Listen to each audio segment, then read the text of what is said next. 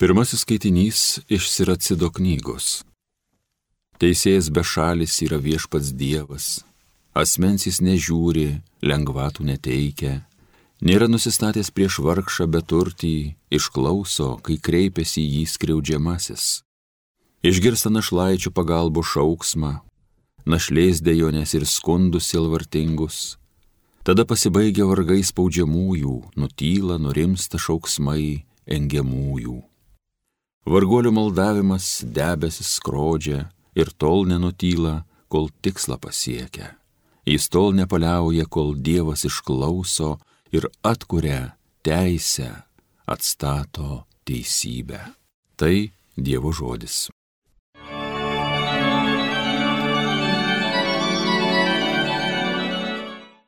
Štai vargšas šaukės ir viešpats išgirdo Aš visuomet viešpatį gerbsiu, mano burna šlovins jį nuolat, tuo mano siela didžiuojas, tegu nuskriaustieji tai girdi ir džiaugias. Štai vargšas šaukės ir viešpats išgirdo. Nuo piktavalių nusigręš viešpaties veidas ir nieks neminės žemė jų vardo. Šaukės teisėjai, juos viešpats išgirsta, iš visų nelaimių juos gelbsti. Štai vargšas šaukės ir viešpats išgirdo. Artimas viešpats sugrūdusiai širdžiai, išvargintas sielas pagydo. Viešpats vaduoja saviškių gyvybę, sveikas išlieka, kuris prie jo glaudžias. Štai vargšas šaukės ir viešpats išgirdo.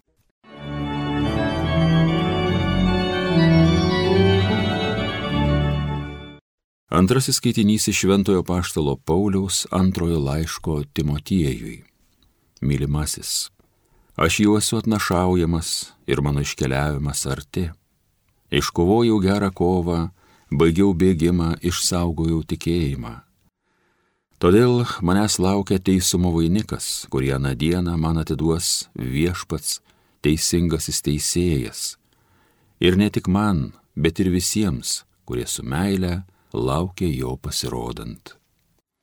Mano pirmajame apsigynime nei vieno nebuvo su manimi, visi mane apleido. Tai nebus jiems tai palaikyta nusikaltimu. Viešpats buvo su manimi ir mane sustiprino, kad toliau skelbčiau Evangeliją ir visos tautos ją išgirstų.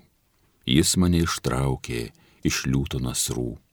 Viešpats mane vėl ištrauks iš visų piktų kėslų ir išgelbės, paimdamas į savo dangiškąją karalystę. Jam garbė per amžių amžius. Amen. Tai Dievo žodis.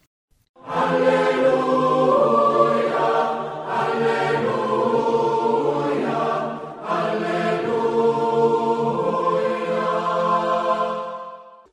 Dievas Kristuje sutaikino su savimi žmonės ir patikėjo mums sutaikinimo žinę. Alleluja.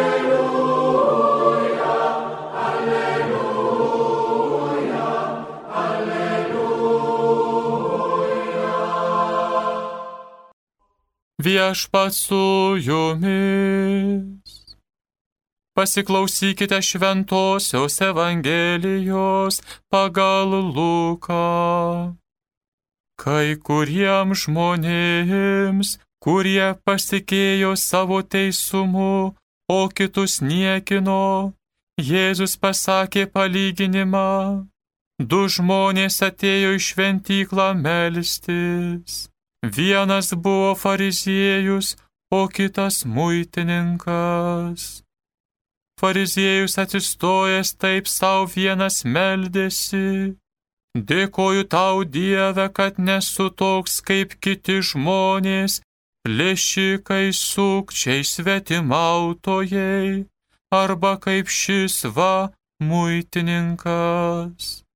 Aš pasnikauju du kartus per savaitę atiduodu dešimtinę iš visko, ką įsigiju. O muitininkas stovėjo tokį ir nedryso niekių pakelti į dangų, tik mušėsi į krūtinę, maldaudamas. Dieve būgalestingas man nusidėjėliui.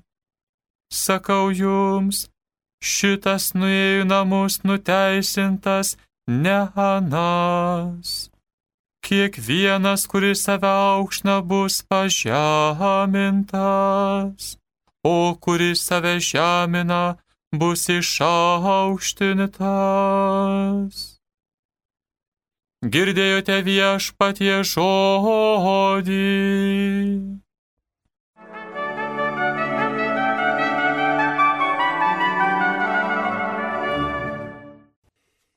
Mėly Marijos radio klausytojai, išklausėte tą Evangeliją apie muitininką ir fariziejų. O dabar aš noriu jūsų paklausti. Noriu tikrai iš širdies paklausti. Kaip jums atrodo, kuriogi dvasia yra didesnė - fariziejaus ar muitininko? Be abejo, be abejo visi atsakysite muitininko, nes fariziejus tai dvasinė menkystė. Bet tada kitas klausimas. Kasgi yra tikroji žmogaus didybė?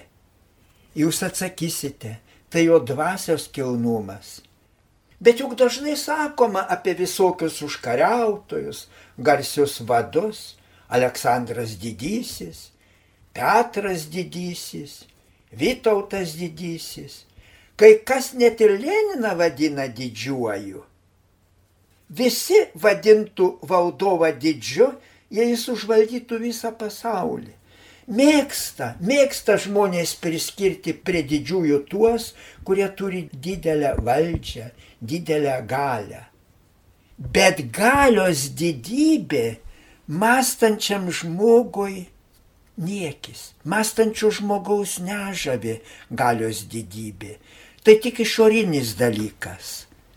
Ir atvirkščiai, Kartais žiūrėk žmogelis visai nereikšmingas, bet nes nesavanaudiškai aukojasi, kilniai elgesi ir net priešams atleidžia. Žvelgi į jį ir galvoji, galvoji, kokia didi jo dvasia. Taigi žmogaus didybė nėra išorinis dalykas, nėra visų matomas dalykas, bet tai vidinė jo širdies ir dvasios savybė. Juk kokia nuostabi dvasios didybė palaimintojo arkiviskopo Jurgio Matulevičiaus. Jo šūkis blogi nugalėti gerumu. Į bjauriausius šmeištus, niekinimus, neteisybės jis atsakydavo kantrybę ir maldą. Juk žinoma, gerai žinoma, kad vienas žurnalistas slapyvardžiu rašė apie arkiviskupą bjauriausius straipsnius. Ir įsivaizduokit, tas žurnalistas ateidavo pas arkiviskupą kalbėtis, o lenkdavosi, o girdavo, koks nuostabus. Arkiviskupas žinojo, kad tas žurnalistas slapyvardžiu apie jį rašo bjaurius dalykus.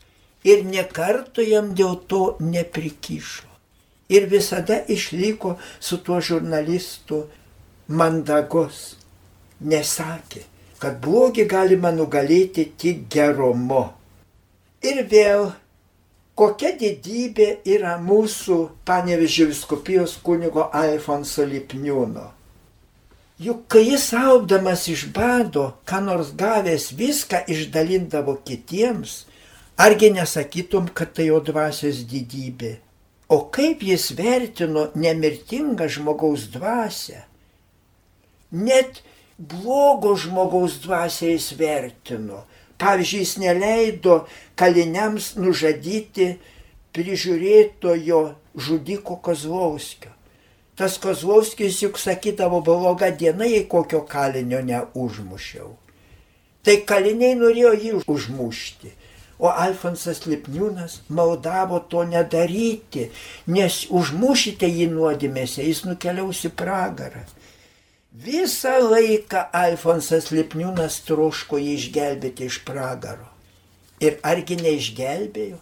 Būtent pas Lipniūną Kozlovskis ir atliko išpažinti. Garsusis mokslininkas Blėzas Paskalis rašė apie žmogaus dvasės didybę. Ta didybė pasižymi ne garsieji žmonės, bet mažieji, nepastebimi. Tikriausiai Tikriausiai visi esame tokius sutikę. Tokie taip aiškiai įrodo, kad yra tokių dalykų, kurių mirtis negali nugalėti. Mirtis net nesunaikina.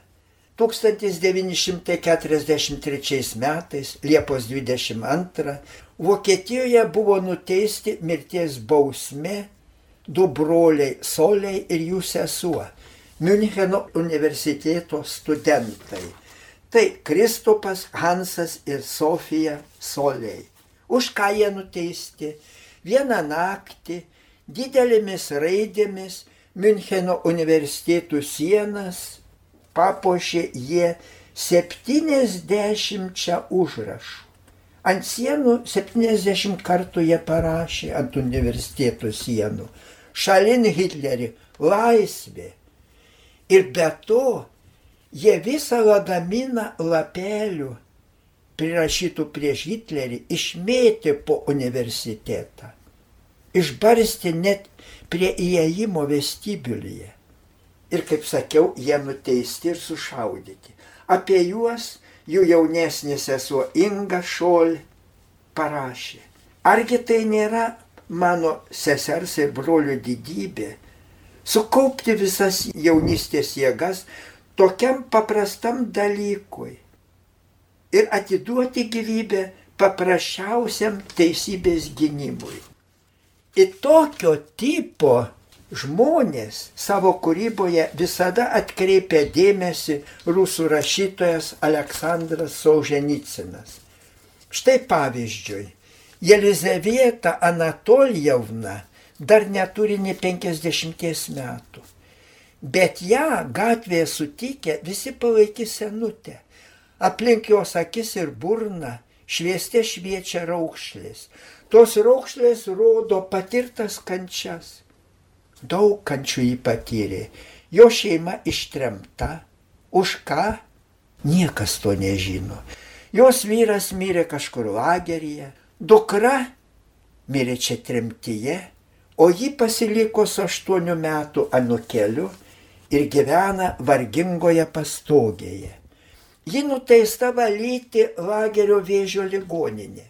Valydama grindis įlenda po lovomis, šaltas vanduo iškraipė jos mažų rankų pirštus, skudurį jį nutrina sienas, ištuština ir net išblizgina spjaudiklės naktį podžius, nešioja beviltiškų ligonių smirdinčius indus.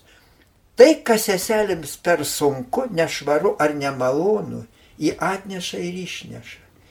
Į tyliai dirba, nelaukia, kad kas ją ragintų ar pagirtų, galima sakyti, jo žmogiška didybė tarsi paslėpta. Ar gali kas suskaičiuoti, kiek daug kur tos žmogiškos didybės pasaulyje yra? Bet čia rimtas klausimas. Ar ta žmogiška didybė nors kiek keičia pasaulį? Tikriausiai atsakysite, kad keičia. O šventasis Ignacas Lojola rašė, jei nori pasaulį pagerinti, pradėk nuo savęs. Kiekvienas žmogus gali vieną vietą pakeisti. Tai visų pirma save. Neturime teisės norėti geresnio pasaulio, jei to pagerinimo nepradedame nuo savęs. Pakeisti galime ir privalome tik save pačius savo kantrybę galime pakeisti, savo trūkumus, savo egoizmą nugalėti, savo meilę užauginti. Kodėl dažnai ieškome pasikeitimų kituose, o ne savyje? Argi randame šventame rašte minti, kad turime kitus keisti? Ne. Greičiau rasime minčių, kad turime ištverti kitų naštas, nešioti jas taip daugiau padarysime gero, negu bandydami tą žmogų padaryti geresniu. Prisimenu vieną kunigą, kaip jis rašė apie save. Tik pradėjęs kunigystę. Tikėjus pakeisti visą pasaulį. Oi, sakiau, aš dirbsiu taip ugningai, kad pakeisiu visą pasaulį. Po dešimties metų jau sakiau, ne, pakeisiu tik tai miestą. Dar po dešimties metų sakiau, pakeisiu tik parapiją. Ir dar praėjo dešimt metų, tada jau sakiau, kad tik save galiu pakeisti. O kur prasideda tas savęs keitimo darbas? Kai pastebime savo trūkumus, blogybės ir pradedame jas nugalėti, sako šventoji Teresėlė. Kasgi nežino tų blogybių? Netrojuje per jas velnės įtraukė į nuodėmę Adomą ir Ievą, mūsų protėvius. Arba, o kas nežino, kaip Jėzaus velnės gundė. Ar tai ne velnio suktybė, kad mums taip lengva apie kitus blogai kalbėti? O kaip baisiai jaučiamės, kai išgirstame apie save bjaurias kalbas. Arba jei kas sulygina kito gerus rezultatus su tavo blogais. Šito brangiai pakanka, kad suprastume savo prigimties suktybės, samoningas ar nesamoningas. Turime kontroliuoti savo mintis ir jausmus.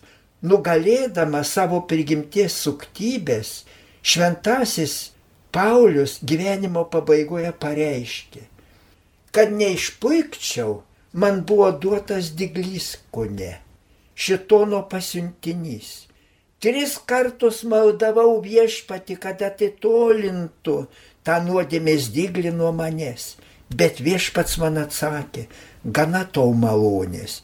Ir mums visiems duodama malonė per išpažinti, per komuniją, Ir jeigu mes tinkamai to naudojamės, gyvenimo pabaigoje kartu su šventuoju Pauliumi galėsime pasakyti, iškovojau gerą kovą, išlaikiau tikėjimą.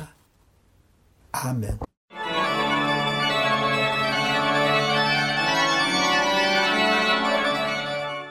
Evangeliją gėdojo kunigas daktaras Vilius Sikorskas.